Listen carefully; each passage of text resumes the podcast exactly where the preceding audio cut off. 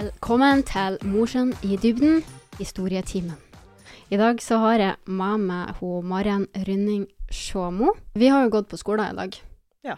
så vi har jo egentlig vokst opp i lag, så vi går jo way back. Mm. Så, men jeg har jo ikke kjent det de siste årene. Jeg vet ikke hva du gjorde etter videregående. Jeg var jo her da og jobba på hotellet. Ja, OK. Det er han her, og så flyttet jeg til Tyrkia. Ja, OK. Ja, som sagt så kjenner jo jeg til det, og så fikk jeg plutselig høre at uh, din sønn hadde blitt bortført. Og da fikk jeg sånn her sykt vondt inni meg.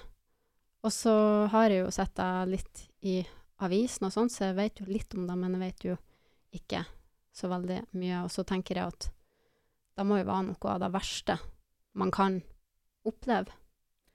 Jo, det er jo det.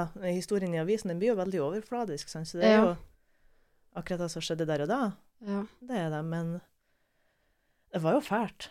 Jeg tenker før vi skal gå inn på hva det var egentlig som skjedde, så tenkte jeg bare vi skulle bli litt bedre kjent. For Mm. dere der ute som ikke kjenner Maren så godt. For du, vi er jo like gamle. Mm. Har du fylt 30? Nei, heldigvis ikke ennå. Har noen måneder å gå på. Ja. Er det kjipt å bli gammel, skulle du si? Vet du, jeg greier nesten ikke med det. Jeg har sånn skikkelig aldersangst. Ja.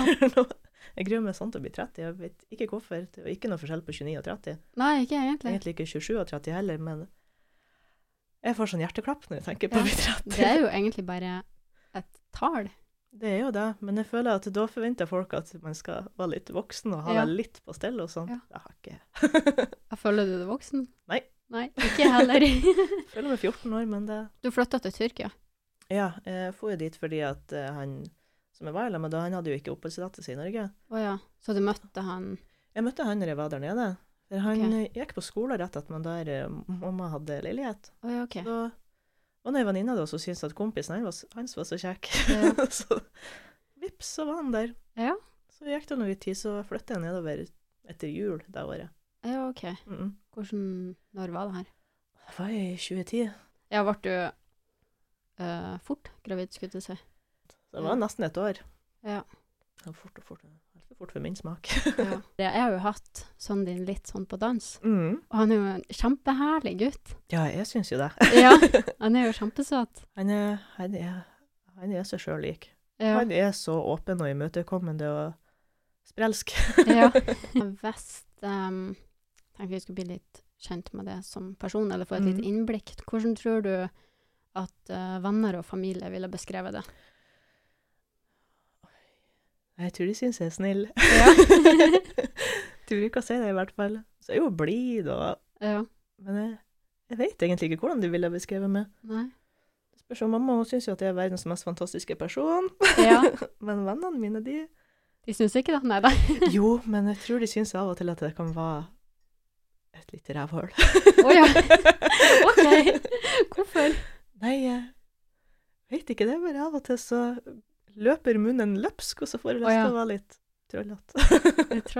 Ja, men jeg er jo egentlig veldig snill. Det er jo bare Ja. på spøk, oh, ja. ja. syns jeg, da. Skulle si, jeg kjente jo back in the days, jeg vet jo Mm. ikke om du har forandra det mye, men uh, Nei, da er jo veldig beskjeden ennå. Jeg har bestandig vært veldig stille og beskjeden. ja. Jeg Eh, tror vi var litt forskjellige der. Jeg kan jo òg være veldig beskjeden, mm.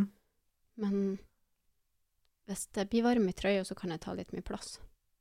Ja, det kan jo jeg òg. Hvis Ja. det blir ordentlig, men det tar Ja. så lang tid. Ja, Så det er nesten ingen som det. vet det. Men så blir jeg òg sånn type beskjeden der jeg bare får helt myndigere, og det er et mareritt. Ja. ja. Så det er nesten ingen som vet at jeg er beskjeden. Ah, okay. Jeg har vært veldig spent på i dag. Jeg har gleda meg, Har for jeg er veldig nysgjerrig på Ja. historien din, og så har jeg vært litt nervøs. For jeg får litt vondt i magen når jeg tenker på Jeg aner jo ikke, jeg kan ikke forestille meg hva du har vært gjennom. Nei, det er Men, mye greier, det er det jo. Men det er jo en, en fryktelig lang historie, egentlig. For hvis man skal forstå hvorfor det her skjedde, så må Mm. man så langt tilbake. For det, det er så mye greier som jeg skulle ha sett, men jeg var ikke i stand til det, for jeg var jo så ung. Ja, ikke sant? Mm. Ja. Men jeg må bare si med en gang at jeg syns du er så tøff som faktisk deler det. Ja, egentlig grunnen til at jeg deler det, det er jo for at jeg blir jo veldig ofte spurt hvis jeg drar ut på byen i Mosjøen. Da kommer det alltid en person og oh, 'Det er du som er mora til en Poiras eller dattera til Hanne', og 'jeg har hørt om det, hvordan var det egentlig?' Kan ikke få Ja. Og det er jo sånn når man får ut for å ha det trivelig, Ja. så litt dumt når det kommer. Hvordan var det verste du har opplevd? Hvordan føles det? ja. Og det er sånn Altså- typisk at det er liksom når du drar ut på byen, og så er det folk som har tatt noen øl, som kommer bort og spør Ja, ja, ja. når man skal Så kose seg. kan jo hende at de hører på deg, og så slutter de å spørre, rett og slett. slutt Så at jeg får gå videre. Ja. For det er jo Ja. veldig det. Man får jo ikke gå videre. Ja. Ja, men jo ikke hvis folk bare fortsetter og fortsetter og fortsetter å minne på. Nei. Nei, Vi gifta oss i 2011, gjorde vi. Ja, OK. Da hadde dere vært i lag et år? Jeg tror vi gifta oss sånn cirka når vi har vært i lag i et år. Ja. Men det var bare at jeg visste jo ikke om det. Nei. Nei. For jeg jeg har fortalt at ja, nei, vi kunne jo forlove oss da, i hvert fall. Så vi har funnet en sånn blågrønn, stygg en kjole, Vet. ja, tenkte at ja, ja, det er sånn dere gjør det. Så plutselig havnet jeg på kontoret og måtte skrive under, så tenkte jeg ja, ja, hvis det, hvis det er sånn de gjør det. Mm. Forlovelse, det kommer man seg unna hvis at det her ikke skulle passe. Og ja, der var forlovelsen? Ja, jeg trodde det. Å ja. Men, så, men så så jeg på Facebook at vi var gift, og tenkte det her passer jo litt dårlig, og mamma var jo ikke med. Ja. Så jeg turte ikke si noe i det hele tatt før mamma spurte, og så var jeg så redd for at de skulle synes jeg var dum, så jeg måtte bare si at ja, nei, vi gjorde det. Ja. Så jeg måtte bare ta den, og så var, det bare, var jeg bare plutselig gift uten at jeg visste. ja. Det er jo litt spesielt. Det var veldig spesielt, men jeg tenkte ja, ja, det har vel sikkert havna sånn uansett, der jeg sto 19 år. Ja. Det er jo ungt. Veldig, jeg var jo ikke klar for det her i det hele tatt, men bare, jeg havna nå der, så da måtte jeg bare gå videre med da. Ja. okay. Du var, du var forelska. Jeg var jo det. Han er jo en person som Når han er grei med det, da er han den greieste i hele verden, og man føler at man er den eneste, eneste som betyr noe, Ja. rett og slett. Så han er veldig god på å få folk til å føle seg spesiell og ivaretatt i lag med han, men han er sånn at han får folk til å tro at det er bare han som bryr seg, for at han tar sånn grep om alle han treffer. Ja. Så da fikk han jo meg til å tro at det var bare han som brydde seg om meg. Mm. Gikk jeg bare videre med alt. Mm. Så det var litt dumt. Ja. Og så var, var du gravid når dere skulle si forlova, gifta dere? Ja, da når vi skrev på papiret, Ja. så, så var jeg allerede gravid. Så jeg tror jo egentlig at det var derfor at det ble sånn, da. Ja. Jeg tror nok kanskje han visste med seg sjøl at hvis han hadde spurt om ja, skal ikke vi bare gjøre det, jeg har ingen familie, jeg skulle reise hjem til Norge samme dag. Oh, ja. Jeg hadde jo ikke kommet og sagt ja, nei, vi tar et sånt lite kjapt bryllup som ikke om mamma eller en pappa eller Nei. noen får være med. Og så, ja, så gjør vi det. Det har Ja. jo ikke jeg kommet til å gjøre, Jeg tror han visste, så han bare trumpa gjennom. ja. Var det bare dere der, eller? Det var også så var det familien hans, da. Ja. Men de kunne jo ikke engelsk, så de kunne jo ikke spørre meg hvordan syns du det føles? Ja. så var jeg bare nei, de var så glad, så glad. Ja. Jeg tenkte ja, ja, koselig at de var så glad for den her forlovelsen. ja. Men så, jeg så det på Facebook at jeg var gift, jeg ble altså så oppgitt. Så måtte jeg spørre seg om men du skrev jo under på deg sjøl. Ja, men du sa jo ikke at det var det. Jo. Ja, jeg får jo hjem samme dagen med fly. Ja. Da skulle jeg dra hjem og begynne å jobbe litt, så at jeg fikk litt penger til å først kjøpe inn ting til ungen og sånt. Mm. Ja, han kunne jo ikke være med til Norge, for han har akkurat hatt eh, visum i Norge. Ja. Så da måtte det gå så og så lang tid før han kunne komme tilbake igjen, så jeg måtte bare føde alene da. Ja. da var For han Poiras ble født i Norge? Ja, jeg er født i Norge. Født i Mosjøen. Ja. Så da, jeg har jo mamma, så det var jo kjempefint. Ja. Mamma og Rikke og Mm. hele hurven. ja. Det var egentlig veldig, det var veldig greit. Slapp Ja. å ha en sånn nervøs mann som stod ja, ja, ja, ja. Det kan sikkert være greit. Ja, da kom vi til, så får vi til Tyrkia da. Så var vi der til rett før jul. Så kom vi hjem og feira jul sammen med mamma og mormor og, og alle sammen. Jeg og Mm. han på bare. Så tror vi jeg fører tilbake til Tyrkia til nyttår. Mm. Så da var jeg nå der til Om det kunne være i april-mai. Mm. Da satt vi nå der. Så kom faren opp til Norge i stedet etterpå. Ja. På besøk. Ja. Men han hadde jo aldri sånn permanent oppholdstillatelse i Norge. Nei, for du, da bodde du i Norge. Var det sånn at du skulle flytte tilbake, eller? Vi hadde jo tenkt at vi skulle prøve oss å få sånn oppholdstillatelse til han med familiegjenforening i Norge. Ja. Så da måtte jo jeg ha en jobb der jeg tjente så og så mye, og bopel og alt det der. Mm. Men så, heldigvis egentlig, så tjente jo ikke jeg godt nok. Ja.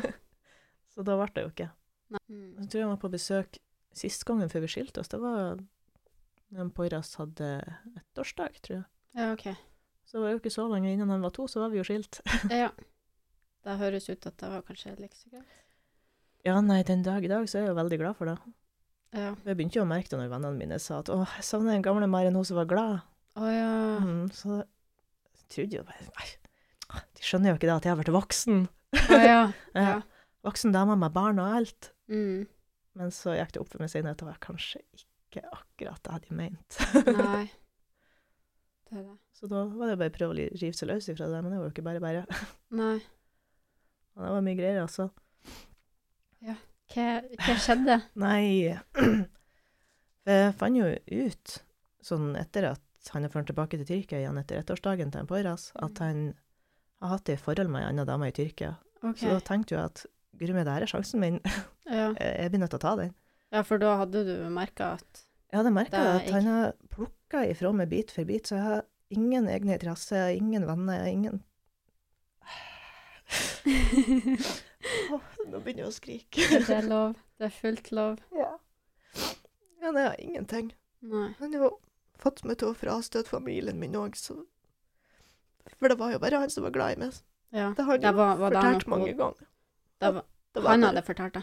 Ja, ja, det var bare han som brydde seg om meg. Ja. Så da, Men det var var, sånn. ja. Men det var ikke sånn i virkeligheten. Nei, absolutt ikke. Nei. Det er jo verdens fineste familie. Du har det. Jeg kjenner de jo. Ja.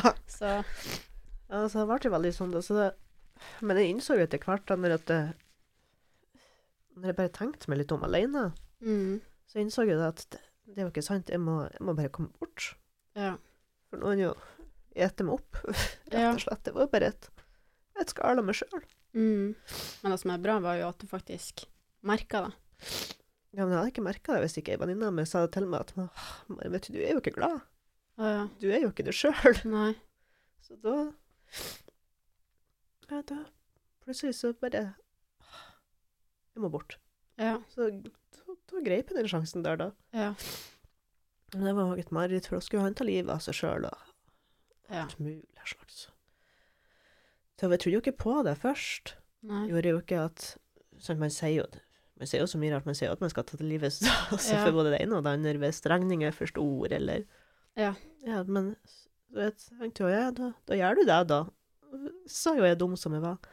Så plutselig så sender han en sånn videosamtale til meg, for han var jobba sammen med faren sin en eller annen plass. Mm. Og så satt han der med et gevær eller noe sånt der under haka, for da skulle han skyte seg sjøl hvis ikke jeg sa at vi kunne prøve en gang til. Herregud. Og det, ennå da så var det så ekkelt, for jeg følte med meg sjøl at jeg har ikke lyst til å si ja.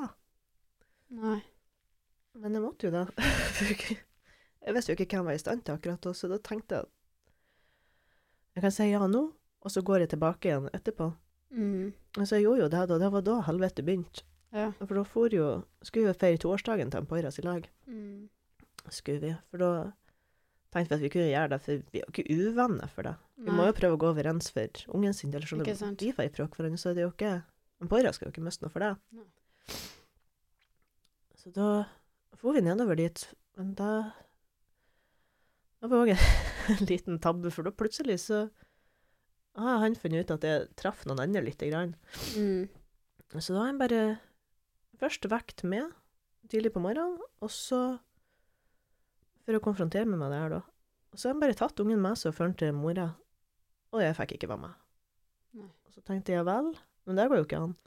Vi har jo delt foreldrerett og alt sånt der, så han, kan jo ikke gjøre det. Nei. Men i Tyrkia så har jo ikke jeg akkurat noe veldig med rettigheter. så det, Nei. det ble jo litt dumt, så da ble vi sittende der, da, i en måneds tid, Mm. for at jeg fikk han hjem, for han skulle jo heldigvis i militæret. Ja. omsider. Så da fikk vi skrevet de her skilsmissepapirene, og jeg hadde noen en tolk som bare var til Han sa nå ikke så mye. For Han regna bare med at vi var enige om hva som sto der. Ja, dere har vel lest igjennom og, og vært enige om hva som er grunnen i A, sier jeg. Da, vi, vi var så enige, så enige. at- Ja. Og grunnen til skilsmisse, og så videre. Og så han og jeg skrev under de her tyrkiske papirene, da. Og tenkte at alt var greit, og vi for tilbake til Norge, og vi har kontakt med faren da òg, på Skype og, Mm. og sånne ting. Så har vi Han hadde vel lyst til at jeg skulle komme nedover den sommeren da han var på perm fra militæret, men Mm. når man ikke har fast jobb, så er det veldig dumt å reise bort fra Mosjøen om sommeren. så fant vi ut at året etterpå, da, så kunne jo han, når han var ferdig i militæret, så kunne han komme på besøk til oss til 17. mai da, i 2015. Men så, så fikk han ikke visum da, først til, til mai. Mm. Men han kunne komme i juni. Og da tenkte vi ja, ja, det var noe greit om han kom i slutten av mai, begynnelsen av juni, for vi skulle feire bursdagen til mamma da, Ja. i begynnelsen av juni. Og da har jo det var 50-årsdag, så hun skulle jo virkelig gjøre det stort. Eh, Og det var så ungene med partner skulle være med henne til, til Istanbul, da, for det er verdens fineste by. Mm. Det er kjempefin, og alle sammen har også lyst til å se det, så vi tenkte at ja, det gjør vi. Og det er jo der folk syns at det er litt om, da, for vi hadde jo en krangel hjemme, jeg og han faren, Mm. som endte med at jeg rett og slett heiv han ut. For han var jo voldelig og alt mulig, så vi ble jo nødt til å tror naboene ringte politiet fordi at det var så mye levende.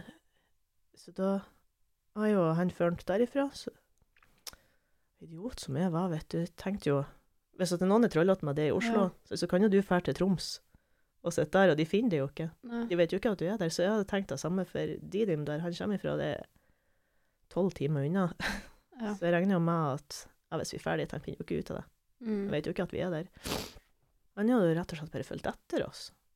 Ifra, ifra Mosjøen, da. Så kom vi også til Tyrkia, vi feira bursdagen. Vi prata jo med han Mali, for han Poira skulle jo ikke være nødt til å miste faren sin fordi at jeg og han ikke kunne gå overens. Nei, ikke Vi kunne jo gå overens hvis han greide å oppføre seg som folk, men han har jo en øyesyke som ikke ligner grisen.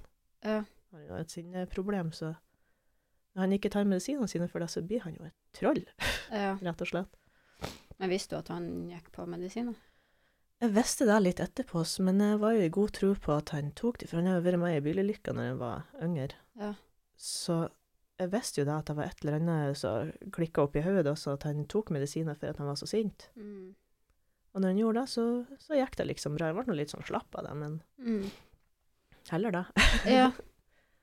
Men så han hvis bare slutta med det en eller annen gang, for at han syntes ikke at han trengte det.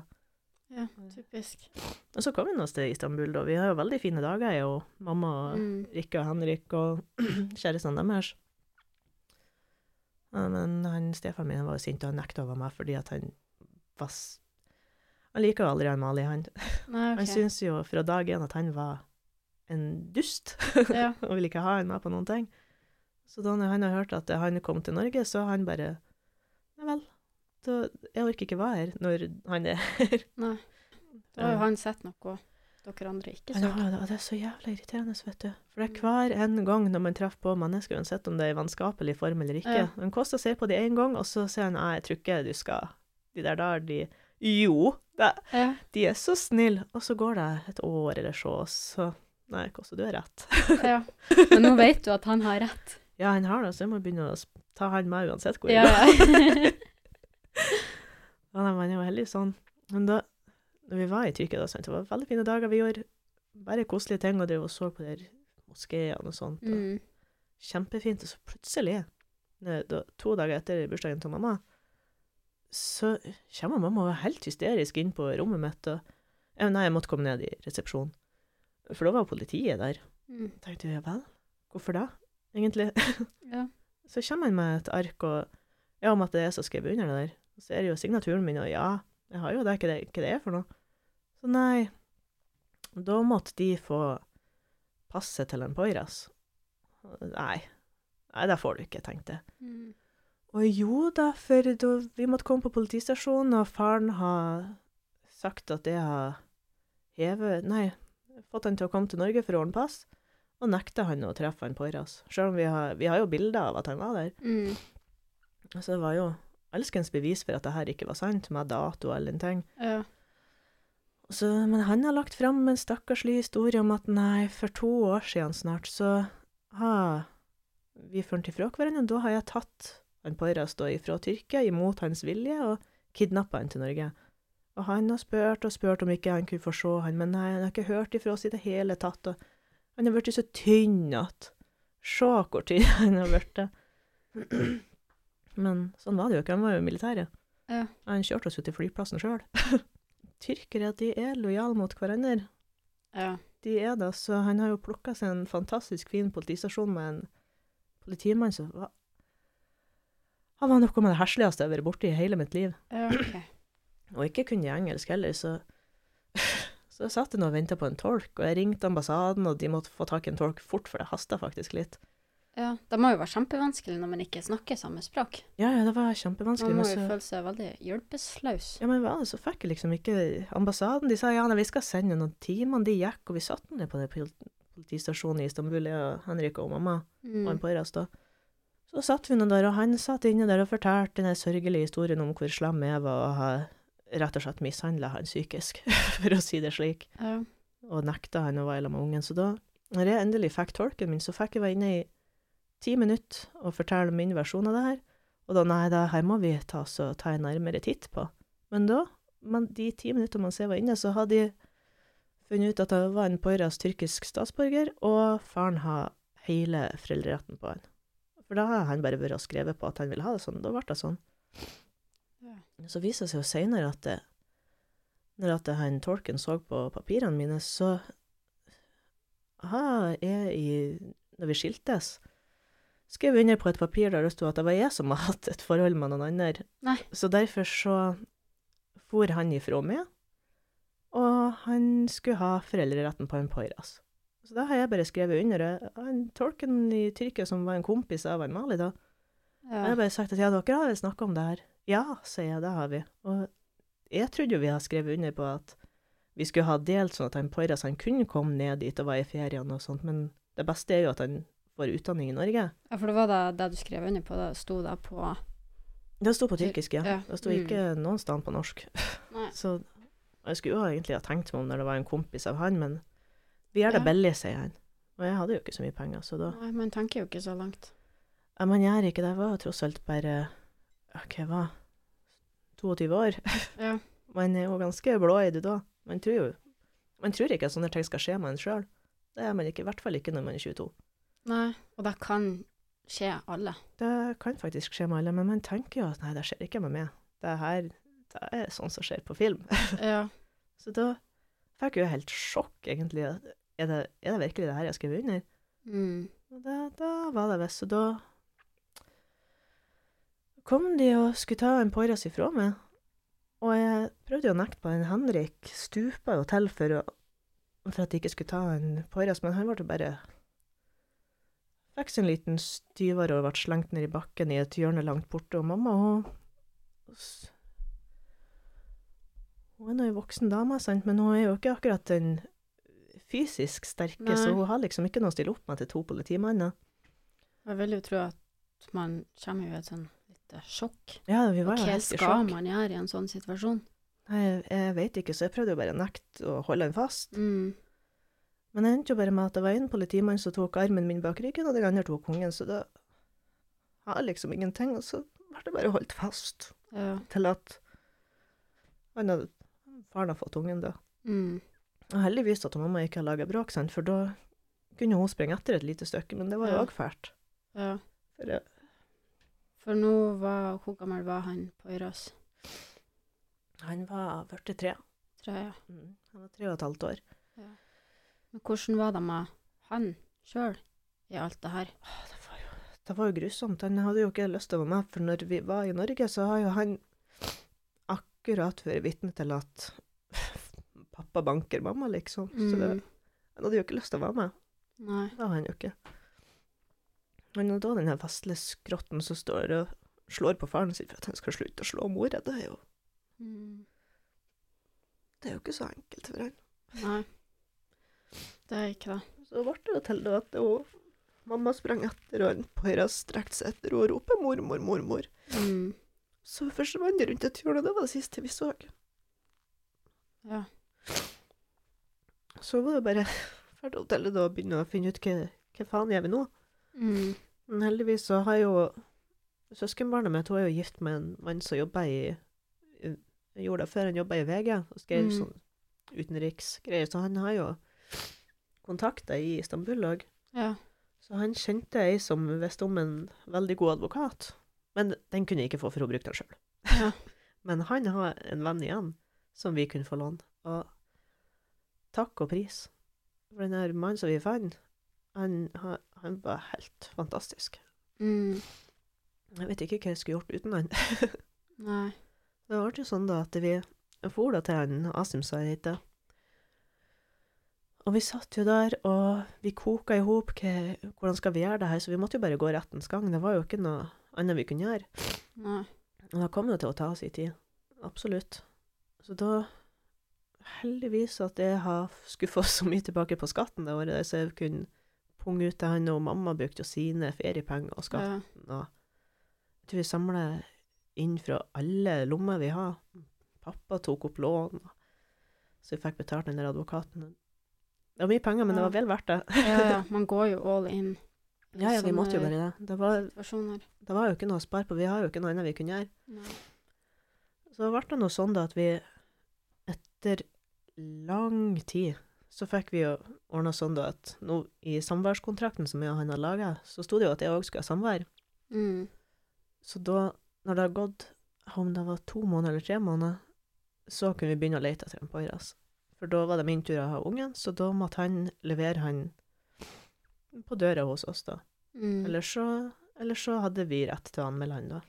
For å ikke følge den her samværsavtalen Ja. vår. Men det var bare det at det ble litt vanskelig, vanskelig for han har jo så stor familie, så de, kanskje var de i Didim, kanskje var de i Istanbul, kanskje var de i Ankara, kanskje i Svartehavet. Så det ble jo en lang prosess med det der, da. Vi har jo ikke noe annet å gjøre enn å vente. Nei. Og en vi kunne sitte og koke i hop og finne all informasjon vi har, og så vi visste nesten ikke helt hvor vi skulle begynne, for det var så overveldende. Mm. Og så har vi jo Nora, hun var jo òg der, hun var jo seks, sju år. Ja. På Nora var lillesøstera di. Ja. Mm. Så vi måtte jo vi, vi var jo nødt til å beherske oss litt, for hun var jo der. Ja. Altså, det går jo ikke an å ha en liten unge i lag med seg på seks-sju år når man bare ligger i dusjen og skriker. Nei.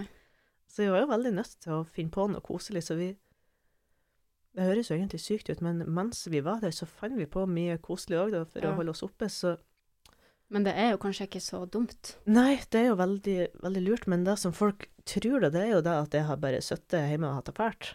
Eller på å si at jeg har bare skreket i et Mm. halvt år. men det, det ble jo ikke sånn. Vi greide jo å ha det fint, sjøl om at man kjente jo bestandig at det var et tomrom der, at Mm. men på det så er jeg, jeg ikke lamma. Men så må man jo bare prøve å takke og prise at hun Nora var der, for hvis ikke så hadde vi ikke gidda. Ja. Ja, det var jo veldig privilegert. Jeg hadde jo mamma i lamma med hele tida. Nesten. Hun Mm. var en tur hjemme i Norge, men da kom jo han Henrik. Ja. kom han Henrik en tur, og ja, kosa oss nå litt da òg. Men eh, det som var noe så dumt, det var jo at han Mali der har funnet ut at hvis jeg var ute av verden, så var det ikke noe problem lenger. Og plutselig, når en Henrik sitter på verandaen hos oss, så kommer det seg liten fis med en kniv springende etter han Henrik. Nei. Jo, jo, jo. For da husker jeg ikke helt hvordan det der var. Det, vi, vi ble jo så satt ut. Mm. Og vi ble jo så sinte etterpå. så den karen har vært og sprunget etter en Henrik med kniv, og han Henrik han har jo gjort det eneste lure, det var jo å sprenge til sikkerhetsvakten. Ja. Men du sa en liten kar? Han er 1,50 høy, men han hadde jo våpen, jeg og han Henrik, så da fant jeg ut at jeg er i T-skjorte. Ja. Vi sprenger. Mm. Og jeg ble så jeg ble så irritert, for jeg har sett han her mange ganger før, jeg har prata med han mange ganger òg. Mm. Han jobber jo i restaurantbransjen. Og jeg ble så irritert og trampa bortover. Men han har jo vært redd når han til oss, han sikkerhetsvakten heter. Ja. Når han kom, seg han og bare sluppet der, kasta over gjerdet eller et eller annet. Så da det kom trampene svære damer. Det var sikkert et haug større enn han, og bredere på alle måter. Da var jo han borte, så da, da var det var det siste vi så av han, da. Ja. Men ja, nei, vi var så sent, så tenkte vi at nå tar vi han. ja. Helt til vi kom til oss sjøl at nei, det har vi ikke råd til. Vi har ikke råd til å ta han. Så var det litt sånn der episode at plutselig så kunne det komme noen og bare ta bilde av oss, eller noe sånt der. der. For å Mm. ødelegge et eller annet, eller det med kniven, og så OK, skulle målet var liksom å drepe dere? Jeg vet ikke hva det var egentlig, men han Det beste for han det var jo at vi ikke var der, så de har jo prøvd å få oss til å dra hjem mange ganger. og Mm. Vi har jo der han, politiet på døra som skulle se papirene våre og alt mulig. Men jeg har jo papirene mine, så det var jo ikke noe stress. Men så Altså, jeg kunne høre når jeg førte over til Kos, for jeg skulle hente en venninne på Kos. Mm. For hun skulle komme og være sammen med meg ei stund når jeg var alene. Så ringte en sånn privatetterforsker fra Norge, da, så vet du, Maren, du må ikke dra tilbake til Tyrkia, for de leter etter det. Hæ? Ja, nei, du, du må bare være der i noen dager. Så da måtte jeg bare sitte på Kos i noen dager, sånn at de trodde jeg var borte. Ja. Så, så får hun nå tilbake til Tyrkia igjen, og da var det jo greit. Jeg har jo heldigvis noen venner i Tyrkia som kom innom og så at det, det gikk bra, eller bare sove på sofaen hos meg, sånn at det ikke ble noe bråk og leven. Mm. Så det var jo det, var, det ble så mye ekstra å tenke på. Skulle man jo tenke på seg sjøl oppi alt det her Ja. Dag, mens man prøvde å lete etter den ungen. Og jeg vet ikke hvor mange ganger jeg skulle reise til Istanbul og bare tenkte at jeg må bort ifra Didim, rett og slett. Men så ble det et problem når jeg og mamma og Nora skulle reise til Istanbul igjen etter å ha vært i Didim. Så har vi kjøpt billetter, det var så greit, vi har kommet til flyplassen og Nei, dere har ikke flybilletter. Og jo, sier vi og viser fram den der, så han jaggu meg ta hacka seg inn på e-posten hans mamma og avbestilt billettene så at vi ikke kom oss den veien, så vi måtte bare ta buss, da. Gud. Og vi var så sinte. Men vi måtte tilbake til Istanbul, for jeg skulle treffe en advokaten. Vi, vi kunne ikke reise med fly, vi kunne ikke, vi kunne ikke dra noen sted, for han har full kontroll over hvor vi var til hver tid. Og det var så irriterende. Så mamma skulle sende et bilde av en Poiras til ei som bodde på det samme leilighetskomplekset, da. Og før hun var stor av det, så vips, så var det bilde av noen helt andre hun hadde sendt. Selv om at hun så det, at det var bilde av en Poiras hun hadde sendt, eller om det var bilde av en Mali, jeg husker ikke. For at det var han her vi skulle se etter. Mm. Nei, så var det plutselig et bilde av Nora som var sendt. Det, Det er jo helt sykt. det er jo helt sykt, og man tror nesten ikke på det når man hører det, for det var, det var så mye greier, og det høres ut som jeg bare dikta opp denne historien, egentlig, for det, det er så mye rart som ikke skjer utenom på film. Nei, jeg skulle til å si at det høres jo faktisk ut som en film. Ja da, så vi satte oss jo ned en dag og tenkte jo mamma at vet du det her, det her er jo nesten sånn Taken-filmen. Ja, ja, ja. ja. Så nå, da var vi lei. Da var vi så Ja. sykt lei, for det bare kom kjappe etter kjappe etter kjappe. Men han måtte jo, hvis han ikke er noe sånn skikkelig Ja, han er ikke dataskyndig, datakyndig, men han har jo venner. Han har sikkert masse kontakter. Det høres i hvert fall sånn ut. Han har jo masse kontakter. Han har jo en kjempesvær familie. Den er så svær, den familien, at det er Mm. helt til å bli kvalm av. Så man visste jo aldri hvor han var, når man var i Alanya, eller om man var i Istanbul, da, eller oppe i Svartehavet. Så det var jo som å finne nåla i høystakken og finne en mann. Ja. Og vi ante ikke hvor han var. Og vi kjørte forbi leiligheten til foreldrene for å se hengende og sånne småklær. Og det, det gjorde ikke det. Så plutselig en dag, da, så skulle jeg kjøre forbi der bare sånn på god humor. Mm. For å se, for det har vært en sånn vanlig, vanesak at vi Ja. kjørte forbi der hver gang. Og der ser jeg fakkelen meg han Mali står der og pakker en unge i bilen. Åh. Og jeg skulle jo kanskje ha beherska meg litt, men jeg greide ikke.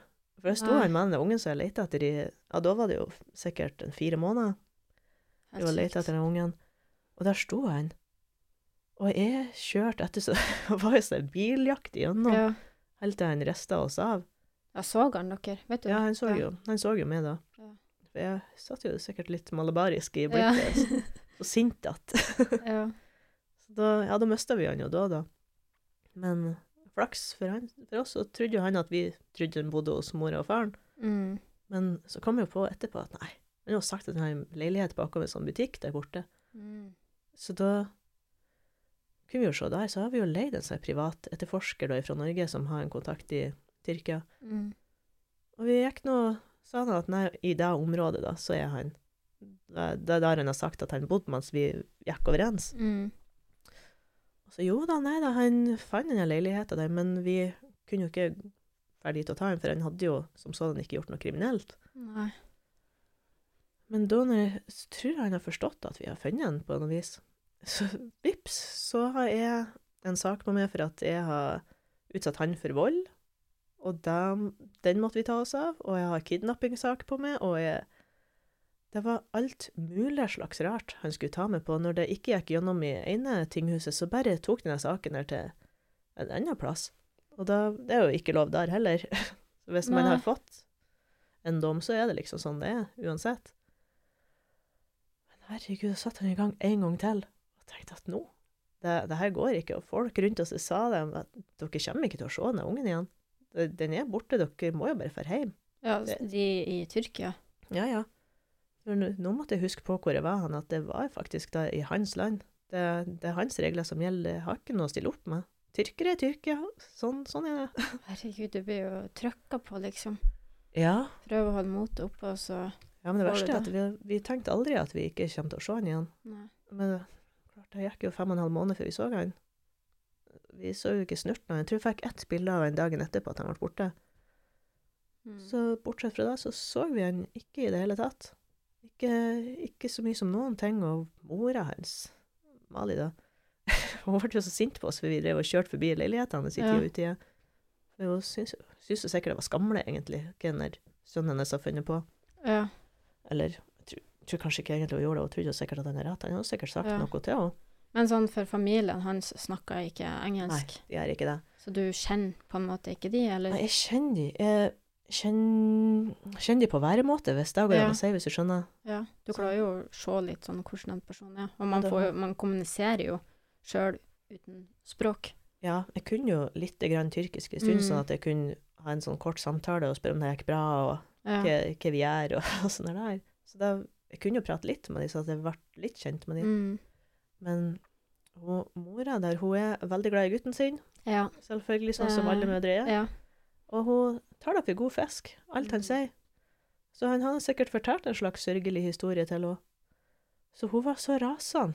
Jeg husker vi skulle kjøre forbi der en gang. Så plutselig så spratt ei krokete dame ut av en busk med sånn brusbokser som drev og heiv etter oss. Der vi, ja, ja, så kjørte vi noe sakte, for det var jo unger som leka i gata. Ja. Og jeg plukka opp en sånn lang sånn planke som hun skulle slå oss med. Og så jeg har jo en sånn leddsykdom, så jeg så jo kjempefælt av oss og syntes det var artig. For hun var så trollete. ja. Så da sprang hun etter oss med den planken som en stor baby. Og mamma så sint. Stopp inn og går ut. og så ble Nora redd, og så nei, Ja. måtte vi dra. Ja. Så vi har jo noen sånne episoder som senere ble veldig komisk. ja. Men hun mora der, hun Hun er fra en generasjon der de ikke går på skole og Mm. ingenting, så Men jeg tror jo kanskje òg at hvis Altså, han har jo manipulert det, Ja da, han så har da jo det. kan jo hende han har gjort akkurat det samme med mora, Jeg tror nok for det. eksempel. Jeg tror nok absolutt det, for hun har bestandig vært sånn at han er lille gutten hennes. Mm. Jeg skjønner jo det. Man slutter jo aldri å være glad i ungene sine, det tror jeg ikke. Men så Så kommer det til et punkt når noen gjør noe sånn der, Mm. så kan man jo ikke sitte og si at det, det her er greit. Jeg husker jo når jeg kom dit når vi skulle ha den toårsdagen hans på Øras, for da er jo Ja, faren slåss en gang til, da. Da har jo han tatt sånn kvelertak på meg, så det var jo blå rundt hele halsen og på håndledd og alt mulig, jeg så jo ikke ut. Men likevel så syns hun at det var jeg som var dum. Ja. Så det var sånn Da er det noe som Se ikke på han, og så ser du på meg Ja. du tror det er som som har gjort den andre noe, liksom. Mm. Men nei, hun la seg nå ikke noe borti det. Men den faren, da, han, han er veldig lojal mot sønnen sin, men han han innså jo da, tror jeg, at det, det her ikke var greit. Mm. Men fordi at det var sønnen hans, så var han liksom nødt til å bare stå gjennom det. Men vi gikk jo forbi det, for det er han som har bodd på et marked.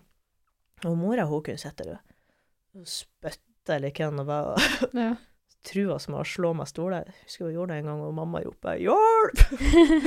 så kom vi jo sprengende til med oss der vakta, det var så pinlig, men har jo godt av det, tenkte jeg. Men faren han møtte ikke blikket vårt en eneste gang. Han, når vi kom forbi, så så han bare rett ned, han så ut som han skjemtes. Den dag i dag så er han kontakt ennå, Oh, OK. har vi jo, for han er jo interessert i hvordan en pådrar seg det. Mm. Og tenker at det skal jeg ikke ta ifra han. Nei. For han, han har jo aldri gjort med noe, han. Nei. Så det at han tar kontakt, det viser jo egentlig at han Han har aldri sagt at 'Å, Mari, du er så dum, du må komme hit med den der, det er ikke din unge'. Men det er mer om han har det bra, og om vi begge to har det bra, at det må Ja. helse familien. Så han er jo Så bryr han seg, liksom. Han bryr seg, og han skjønner hva det er som har skjedd, for han har bestandig Ja. hatt sånn at Vært litt mer våken på hva det er gutten hans driver på. Men jeg tror nok da at faren skjønte at det her var ikke greit. Ja. Så etter det, da, etter der, alt der han- at vi fulgte etter de og sånn, så kom vi jo på at fakeren òg Når han, faren var i militæret, så sendte jo han et brev til oss okay. med bilder av seg sjøl og et langt, langt brev om hvor lei han var for alt han har gjort, og drit og lort. Og så, og bildet fra at han var i militæret, men han har jo sagt at nei, han har ikke vært i noe militær, han har bare sittet og venta på at jeg skulle komme tilbake til Tyrkia med ungen. Så når vi fant det, da, så ble jo saken noe helt noe annet. Det var jo da Ja. folk faktisk begynte å bry seg om å finne han. Ja, for da hadde dere bevis på det. Da hadde vi bevis på det. Så da det fant var du ut at han har laget. ja, kunne vi jo bevise alt det. Det var bilder med dato. Ja. Så da ble jo liksom saken litt mer på min side. Så da, da kom det jo inn Politiet begynte å hjelpes litt til, og en advokaten fikk litt flere føtter å stå på. Ja. Men det var jo bedre at hver dag var jo sånn fredag. Så det var helg hele tida. Og da får man jo ikke gjort noe. Så kom jo ramadan, og Ja, vi måtte bare sitte der og vente. Men vi kunne jo ikke fære, for da har jo han brukt det imot meg òg. At nei, hun får jo bare hjem, hun bryr seg ikke. ikke sant. Jeg måtte bare sitte der. Og så plutselig, etter alt der rotet og virvaret og fram og tilbake og Så husker jeg satt Jeg og mamma og noen andre som bor på det leilighetskomplekset, da. Ja. Vi skulle fære og spise en plass. Eller om vi akkurat har gjort det. Så kommer hun dama til vaktmesteren, hun var brite og jobba i barnehage. Og Marin, stopp! Det- er en gutt i barnehagen som sier at han ikke har mamma. Er det, er det her din unge? Så bare så lite bilde av en på IRS. Å ja. Så jeg tenkte, herregud, ja, der er han jo. Ja. Så da var han i samme by som oss, i barnehagen til hun der dama der. Så da kunne vi endelig bare få de papirene for å komme og hente han. ja, i barnehagen til hun som kom med Mm. Ja, for han, Malin visste jo ikke da at hun var gift med han Nei. Mehmet, som han heter, vaktmesteren. Så da plutselig så fikk vi bare raska i hop alle papirene og prøvde å få det her til. Men jeg måtte jo prøve å ikke være forbi det, for vi måtte jo ikke la han vite at jeg visste hvor han var. Nei. Så det ble så lange dager, jeg bare venta til at hun skulle komme hjem, og Ashley da. Mm.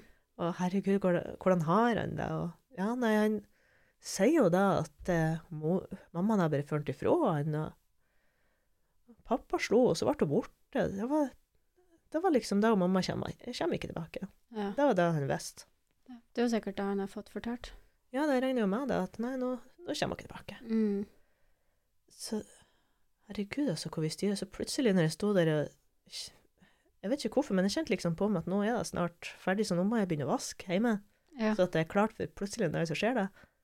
Så står jeg der og vasker mine egne saker, så ringer han advokaten. 'Hei, Maren, hva du gjør?' Så nei. Står nå og vasker og gjør ting Ja. for å få dagen til å gå. Så ja, men så bra, skal vi få hente på Porres i barnehagen? Nei, nå tuller de. Men nei, jeg har egentlig henta han. så, oh, ja. Hæ? Så da måtte vi bare forte oss av gårde og ja. komme nedover dit. Men hva, hva følte du på da? Vet du, jeg Det greide liksom- nesten ikke føle heller, Nei. for jeg tenkte det går ikke an. Det ble bare sånn at jeg Det er sånn skummelt å tro på, da. Mm, det ble det. Så ser jeg at Men du må finne tak i et bilsete, og så kommer du hit. Mm. Så jeg måtte jo fære til en halvtime bort for å finne et bilsete. Jeg bare Gud! Ja. Og så fortna jeg meg tilbake, og så Ja, kommer du snart? Ringer han og stresser på. Ja, ja, ja. Så kommer han dit, og så står han Faren hans på oss i døra der. Tenkte bare å, herregud, hjelp. Nå er han Mm. faktisk her. Så kommer jeg inn på rommet der han Porra sitter, og så det eneste han gjør, det var liksom Så han på meg, og så bare strekte han seg opp som at jeg skulle, at jeg skulle hente han i barnehagen en Ja. hvordan som helst dag. Som du bare var borte noen timer, liksom. Mm. Mm. Så da, da var det liksom bare da, og så skrev vi under på noen papirer, så skulle vi ferdig, men det ble jo et helvetes liv da òg. Ja. Det, om det var søskenbarnet hans Mali eller noen kompiser som sto utenfor stasjoner i en bil og venta. Så da var det jeg og han advokaten, da, og så vaktmesteren der vi bodde, som har funnet ut at OK, da tar vi to biler, så hopper dere inn her, og så kjører vi dit og dit. Og vi hopper inn, og så ser vi at det kommer en sånn bil bakom oss i full fart. Så vi måtte bare kjøre ut av helvete inn i en sånn parkeringshus, hoppe over i andre bil til vaktmesteren. Og så kunne han, Asim kjøre til flyplassen, og så kunne vi kjøre andre veien. Mm. Men Asim fortalte at de kjørte fakkel meg opp i ræva på meg nesten helt til flyplassen, helt til de kom på Oi. sida av og så at det var bare jeg. Shit. Det var jo Mm. det var også sånn som man ser på film. Ja, ja, ja. Så det var jo sånn, hva faen skal vi gjøre nå? Så vi for tilbake til leiligheta da, til vaktmesteren, og satt Mm. der. Og så, så lurte vi nå på hvordan vi skulle gjøre det her, for det, de har jo drevet og kjørt frem og tilbake ut for leiligheta mi i månedsvis. Ja. Så fant vi ut at OK, nå har onkelen til en, vaktmesteren Han har ei leilighet litt utenfor byen, ja, så vi kunne dra dit, da. Så var det bare å vente. Det var blitt bekmørkt midt på natta. Han har slått av alle lysene, og vi har sittet der i noen timer. Mm. Og så kunne vi kjørt til ei lita leilighet i skogen. ja. Og satt vi nå der og sa dere kan ikke dra ut av leiligheten i det hele tatt. Og nei vel. Og satt vi i den der mørke leiligheten helt til en politimann som vi kjente kom. Mm. Og da kunne vi endelig dra til med fly til Istanbul, for da har han billetter i sitt eget navn. Så vi trengte ikke tenke på det. Og ja, det var òg noe. Vi har jo, de har jo tatt passet hans på oss. Ja. Det var bare et sånn engangspass, for jeg har bestilt nytt. ja. Så det har kommet i posten i Norge, så da har jo en Henrik tatt med seg en annen gang. Ja. Så vi hadde heldigvis passet hans på oss og et ID-kort som vi ikke har gitt ifra meg, for de har ikke bedt om det.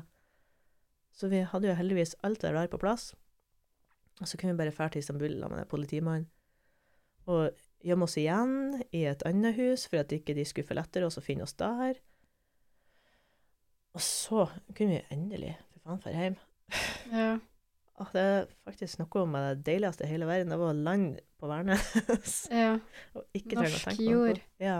Men det, da har Pårøs glemt språket, vet du, så han prater jo bare tyrkisk. ja. Så hun kunne jo ikke dra i noen barnehage. Og... Så da måtte vi begynne på nytt. Det var jo kjempevanskelig, egentlig. For ja. han kunne jo ikke si hva han ville bestandig. Det var jo ikke alt jeg greide å få med meg. Nei. Men han så blid og fornøyd og prater og prater på det fremmedspråket, og jeg Ja. googler det beste evne. Og så plutselig, når jeg bare lagt over, så var han helt norsk igjen. Ja. ja, for han forsto ikke dere sa. Nei, Ikke først. Så forsto forstod han ikke det. Men så gikk det tre uker, og sånn over natta, da, så våkna han opp og var vefsning igjen. Ja, hvor lenge? For da hadde han vært borte I fem og en halv måned. Herregud. Mm. Og selvfølgelig, han, han var jo litt prega av det, at han var litt ukonsentrert og litt aggressiv, og Ja. sånne ting, men man kan jo ikke vente annet. Nei. Men ja. tror du han har hatt det bra? Så var det med faren? Han har jo fortalt litt ting i ettertid, da, at han har vært veldig mye sammen med besteforeldrene. Ja. og når jeg fikk han tilbake, tenkte jeg det har akkurat vært sommer i Tyrkia. Det, Mm. alle ungene er jo kålesvarte da, Ja. hvis de har vært ute, men han var, var helt grå i huden med svarte ringer rundt øynene, så han har jo ikke fått være ute, eller Nei, OK. fordi at hvis de så han, så tok de han. Så, Mm. sånn var det. ja. Det var Mm. veldig mye sånn hjerteskjærende når vi kom tilbake, da, som han f- kunne fortelle, eller Bare det at han var så redd. Jeg husker jo han skulle få tak i et eller annet på kjøkkenbenken, om det Ja. var kniven eller noe sånt der. Og han Henrik ble litt engstelig, for han var så redd han skulle skjære seg på det her, eller, eller et eller annet sånt der. Mm. Så han heva jo stemmen litt fordi at han ble redd, han Henrik. Skulle passe på han sånn at han slapp Ja, han ble redd. Han Henrik? Ja, han, først ble han Henrik redd for at han bare skulle slå seg, så Ja. han har sagt 'nei, Poiras, ikke gjør det der'. Ja. Og så slapp han Poiras alt han har, og 'unnskyld, unnskyld', unnskyld. Og han var livredd. Ja, OK. Og hylskrek fordi at han skulle slippe det. Så han har jo vært gjennom veldig mye. Mm. Det merker man jo, det er ingen unger som blir redd for at folk sier nei. Men Poiras han ble så redd, stakkars. Han var redd alt han gjorde. Ja. Så hvis det var et eller annet og jeg sier, vet du, det er ikke lov å ha vært så redd. Hvis han velter et glass, og Poiras så lei seg, og, nei, å unnskyld, og forta seg og rydda opp, og han var fire år. Jeg tenkte, vet du, Poiras, det her går fint. ja. det, det er ikke verdens undergang, vi tørker nå bare opp. Ja. Så det, det var masse sånne der ting som jeg merka at det, her er det noe. ja. Det høres ut sånn kanskje at det er sånn veldig, veldig, veldig strengt. Ja, gutter er gutter, Mm. de, og unger er unger. Ja, ja. Og gutteunger, de er noe verst. Ja. det må være litt farsk. Man Ja. kan ikke være gutt uten at det er farsk. Nei. Så da at han følte at han måtte si unnskyld for alt, det har jo senere nå, når han har vokst opp, det har også ført til at han ofte, hvis han vet at han har gjort noe som, han, Mm. som kanskje ikke var greit, så, så lyver han jo om det. Men okay. det, det er jo for at han er så usikker på går det bra eller ikke. Ja. Så vi har hatt en lang stund med at du trenger ikke du trenger ikke lyge om det her. Nei. Det går bra. Det er jo bare å si det. Det er bedre det. Mm. Så han har jo heldigvis vokst veldig da siden da. Ja. Så hvor gammel er han nå? Ti år. Ti år? Ja. Han er like gammel som oss. ja. Han har vokst seg opp til å bli en kjempeflott gutt. ja. Han, han er så omsorgsfull og tillitsfull at det, vet du, jeg skjønner ikke at det går an. Mm. Å være en så tillitsfull gutt etter alt han har vært gjennom. ja. Men husker han noe? Ja, han husker det. Han bruker å Han bruker ikke, men det hender at han av og til har nevnt at sånn er han. Spesielt når han var mindre, for da var det jo litt mer i fokus. Da kanskje foreldrene har nevnt noe hjemme, jeg vet Ja. ikke. Men det var i hvert fall snakk om det. Han har laga seg den historien at faren var en tyv som har stjålet han. Oh, ja. Så da ble det veldig mye fokus på det, da. Jeg har jo prøvd å få han til å snakke om det på, hos barnepsykolog, og alt Mm. men jeg vet ikke helt hvordan det gikk. Jeg tror, i og med at han ikke har vært så mange ganger uten å ha hatt et språk for sant. Når faren tok Ja. han, det ble én traume, og så kommer jeg og tar henne ifra den der tryggheten han hadde der. ja. Det blir jo liksom en til sånn smekk i fjeset på han. Mm. Det skjer det har skjedd veldig mye på kort tid for ja. Og så er det jo to helt forskjellige land. Mm. Så han har, Så mye forandringer. ja, det er så mye forandring, men han har jo lært seg da å lese kroppsspråk veldig godt. Mm. Så han merker jo hvis at folk sier 'å ja', hvis de er interessert, eller Mm. hvis de ga seg faen, så da er han litt sånn at nei, de bryr seg ikke, gidder ikke. Mm. Så jeg tror liksom ikke det var så lett å få noe ut av henne. han Hvis han føler at en voksen person ikke bryr seg, så nei, da får du bare ha det så godt. Ja. Vanskelig å forstå seg på da. Det var veldig mye ting som ikke funka på en sånn eh, Ja. metode man har. For jeg var jo på, på BUP, da, på sånne kos-greier, for ja. det kan jo være veldig gode verktøy å ha med seg. Men det var jo bare det at hver gang jeg sa at ja, nei, det skjønner jeg, så ser han på meg ja, du sier at du skjønner og du skjønner og du skjønner, men du gjør jo ikke det. ja. Nei vel. OK. Da så. Så det der, det, det virka jo ikke på han lenger. Veldig god å lese folk, da. Kjempegod. Man kan, man kan ikke ha noen følelse. Det eneste han sliter litt med å skille, det er hvis man skriker for at man er glad eller lei seg. Å ja. Ja. Så jeg, kan, jeg får ikke se på Disney. Nei. For da begynner jo jeg å skrike. Det er jo skrekkfilm. Ja. Har dere noe kontakt med faren? Ikke i det hele tatt. Jeg vet jo at han har gifta seg på nytt og fått eh, en unge til. Mm. Det vet jeg jo, men vi har ikke prata med han. Jeg tror vi snakka med han så vidt på eh, sånn videosamtale, så når jeg ringte til bestefaren hans, da, Ja.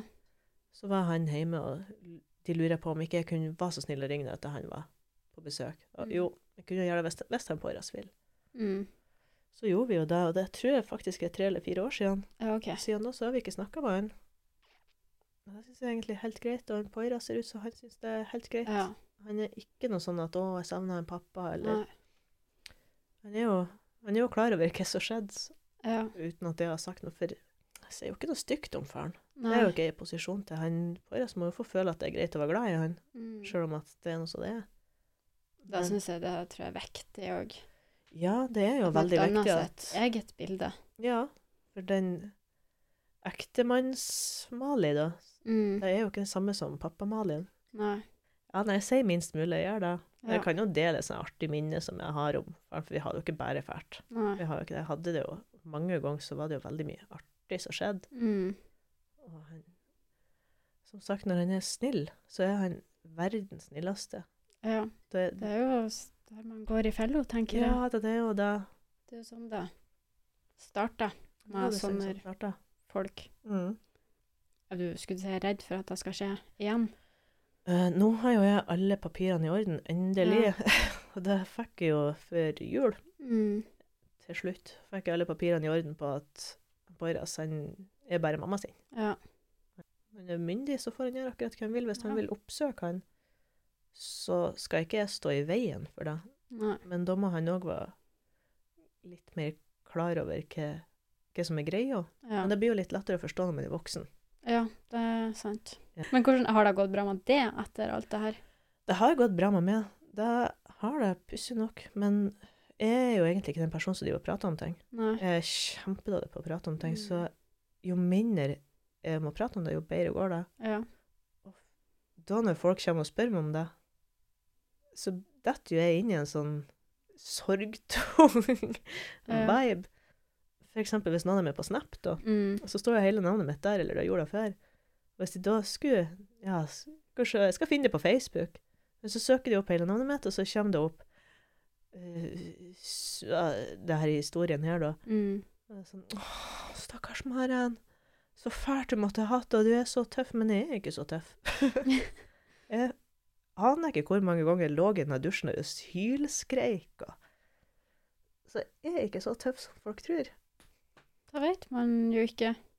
Altså, det er jo Kan jo hende at det er mange som opplever noe likt, men man reagerer jo Jeg tror det er veldig jo mange som opplever, ikke i denne sammenhengen, Nei. liksom, men at det er mange som kan kjenne seg igjen i det, f.eks. at de har en partner da, som rett og slett bare utsletter hele, hele det. da. mm, At du ikke har mer igjen av deg sjøl, bortsett fra den partneren. Ja.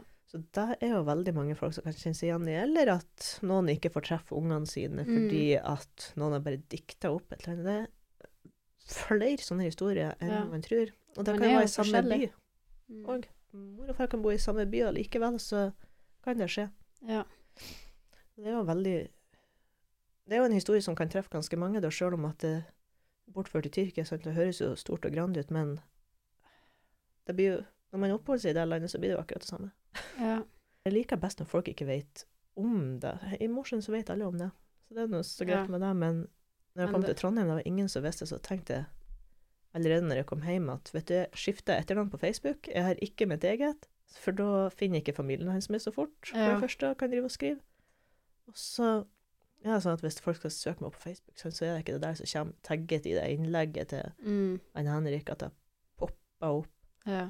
Setter selvfølgelig veldig pris på alt de Mosjøen har gjort, for jeg har ikke greid det uten at de, Nei. det var så mange fra Mosjøen som støtta oss. Vi har sånn kronerulling, og jeg tenkte jo meg sjøl at ja, det er sikkert ikke noen som hiver seg på det, for jeg har bestandig søstera til, eller dattera til. Ja. Jeg har jo aldri hatt noe eget navn, for jeg har bestandig vært i, i skyggen og likt meg der. Mm. Jeg liker ikke å være sånn. Jeg liker ikke at folk vet hvem jeg er. Nei. Jeg tenker òg at det gikk jo bra til slutt. Men jeg gjorde det, så det er jo Takk og pris, liksom. Det er en solskinnshistorie, nesten. Ja. si. Det er jo utrolig mange som ikke er så heldige som det jeg var. Ja. Er kjempeheldig. Det kunne jo gått en annen vei òg. Jeg tror det at det aller beste er at det gikk som det gikk, og det hadde jo sikkert Det hadde vært veldig fint om vi kunne fått eh, luka han ut på et annet vis enn at det skulle være så ekstremt. Mm. For jeg vet jo da at hvis vi skulle hatt den fordelinga med han Poiras Det har jo for evig blitt sånn at denne mannen der har kommet til å krevd og drevet meg til vanvidd. Til, Mm. til døden skiller oss ad. Ja. Så jeg tror jo egentlig at i det store bildet så er det like greit at det bare ble sånn. ja. Helt egentlig, vi kunne jo selvfølgelig ha sluppet denne episoden der han Poiras måtte vi for dem. Men ja. når det ble så det ble, så får man vel være glad for at det gikk så det gikk. Ja. På en måte. Det blir så det blir. Ja. Men tenker du ofte tilbake? Nei, Det som er veldig rart, det er det at eh, to dager før du sendte melding til meg, Ja. så har Freddy vi flytta ut av leiligheten min i Trondheim. Så fant jeg den der saksmappa mi fra Tyrkia. For jeg, Ja. jeg vet ikke hvorfor jeg sparer på den. Men den ligger nå der sånn i tilfelle rottefelle, i tilfelle jeg skulle trenge noe. For jeg var jo ikke ferdig med saken før, før til jul. Mm. Så jeg tenkte du. Jeg har vært nødt til å bevise at jeg var en god mamma for denne gutten der i ti år, og folk hadde drevet og tvilt på meg. Mm. Og så tenkte jeg at nei, det var mye god musikk det året der. Ja. så når du sendte melding til meg, så satt jeg faktisk i bilen og hørte på den spillelista ifra da. Ja. Og jeg har veldig mange gode minner ifra det året der, sjøl om det var jævlig, det var jo det. Mm. Men eh, det var òg mange gode minner. Kjempemange, egentlig. Vi Mm. traff, traff kjempemange fine folk. Ja. Gjorde, det var jo det er masse artige historier jeg kunne fortalt. Jeg kunne, vi kunne sittet her hele dagen. ja, ja, det tror jeg på. Ja, ja. Det er det jo. Så det er så mye. ja. Men alle de gode menneskene, de er bare gode minner. Og jeg, når jeg tenker på de, eksempel når jeg hører på den spillelista, Mm. så er det sånn at jeg kan jo godt sitte og smile litt. Grann. ja. Det er ikke bare sånn at jeg har slått av. Nei. Du har ikke, du har ikke traumer, liksom? Nei, jeg har ikke det. Jeg har ikke det, Men det er jo sikkert fordi det gikk så bra. Ja. Så vi berga, vi. Men jeg, jeg kjenner jo det at jeg er jo litt mer sånn at jeg stoler ikke på mannen. ja. Det kan jeg jo forstå. Ja, men det er jo egentlig ufortjent, for det er veldig mange snille gutter ute og går. Ja, ja. Men det er jo meg om de sier noe feil. Nei, spreng. Ja. Er du singel i dag? Nei, Nei? jeg har en uh, søt Troms-gutt. Tromsø-gutt? Ja, nei, Ja. Tromsø, vet jeg ikke, men oppi der en stand. Oh, ja. Så da Han er veldig snill. Ja. ja, men det er jo bra. Ja. ja, men han er veldig grei, for han, han tyr stilt når jeg ber ham om det. Der har du det. Ja. Jeg tror det er mange som kommer til å kjenne seg igjen Mm. i den historien. Og jeg tror det er jo mange som føder med det. Og spesielt de som har unger sjøl. Jeg tror at for en person som har unger, så er det helt jævlig å tenke seg til. Ja. Hjerteskjærende.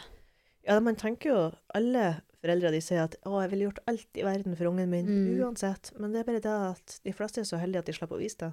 Ja. De slipper jo å bevise at det gjør alt for det. Mm.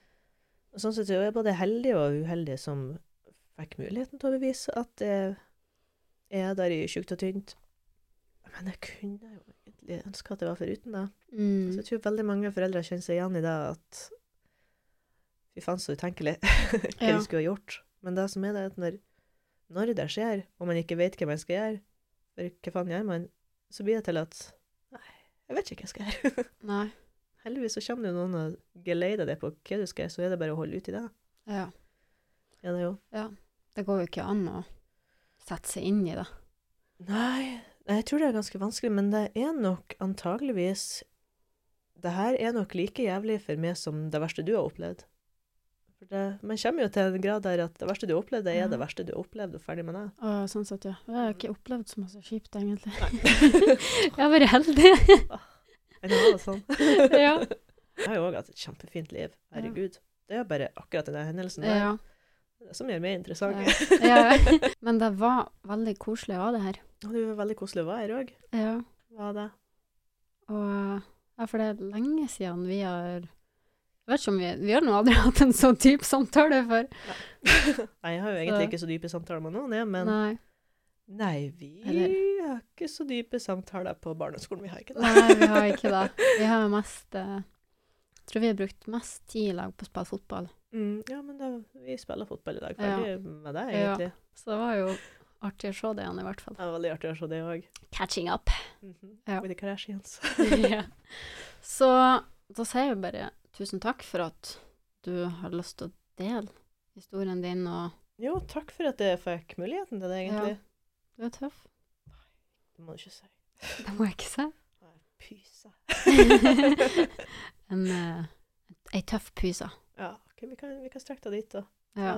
Men det er sikkert ikke alle som vil ha gått ut og fortalt om det. Nei, men Spørs hvor lei man blir av. Ja. blir av at folk spør. For nå er det jo noen år siden. Ja, det er Neste uke så blir det seks år siden. Mm. Kjennes det ut som det er seks år siden? Vet du, det som er det verste med alt, det er at akkurat sånn som jeg har det i dag, Mm. så kjennes det ut som det aldri har skjedd. Det er jo kjempebra. Ja, vi har, vi har faktisk bare lukka det og lagt det bak oss, men det er jo sant helt til folk spør. Så Ja. sånn, Åh. Yes. Men uh, da til dere lyttere der ute, vi høres neste uke. Ha det.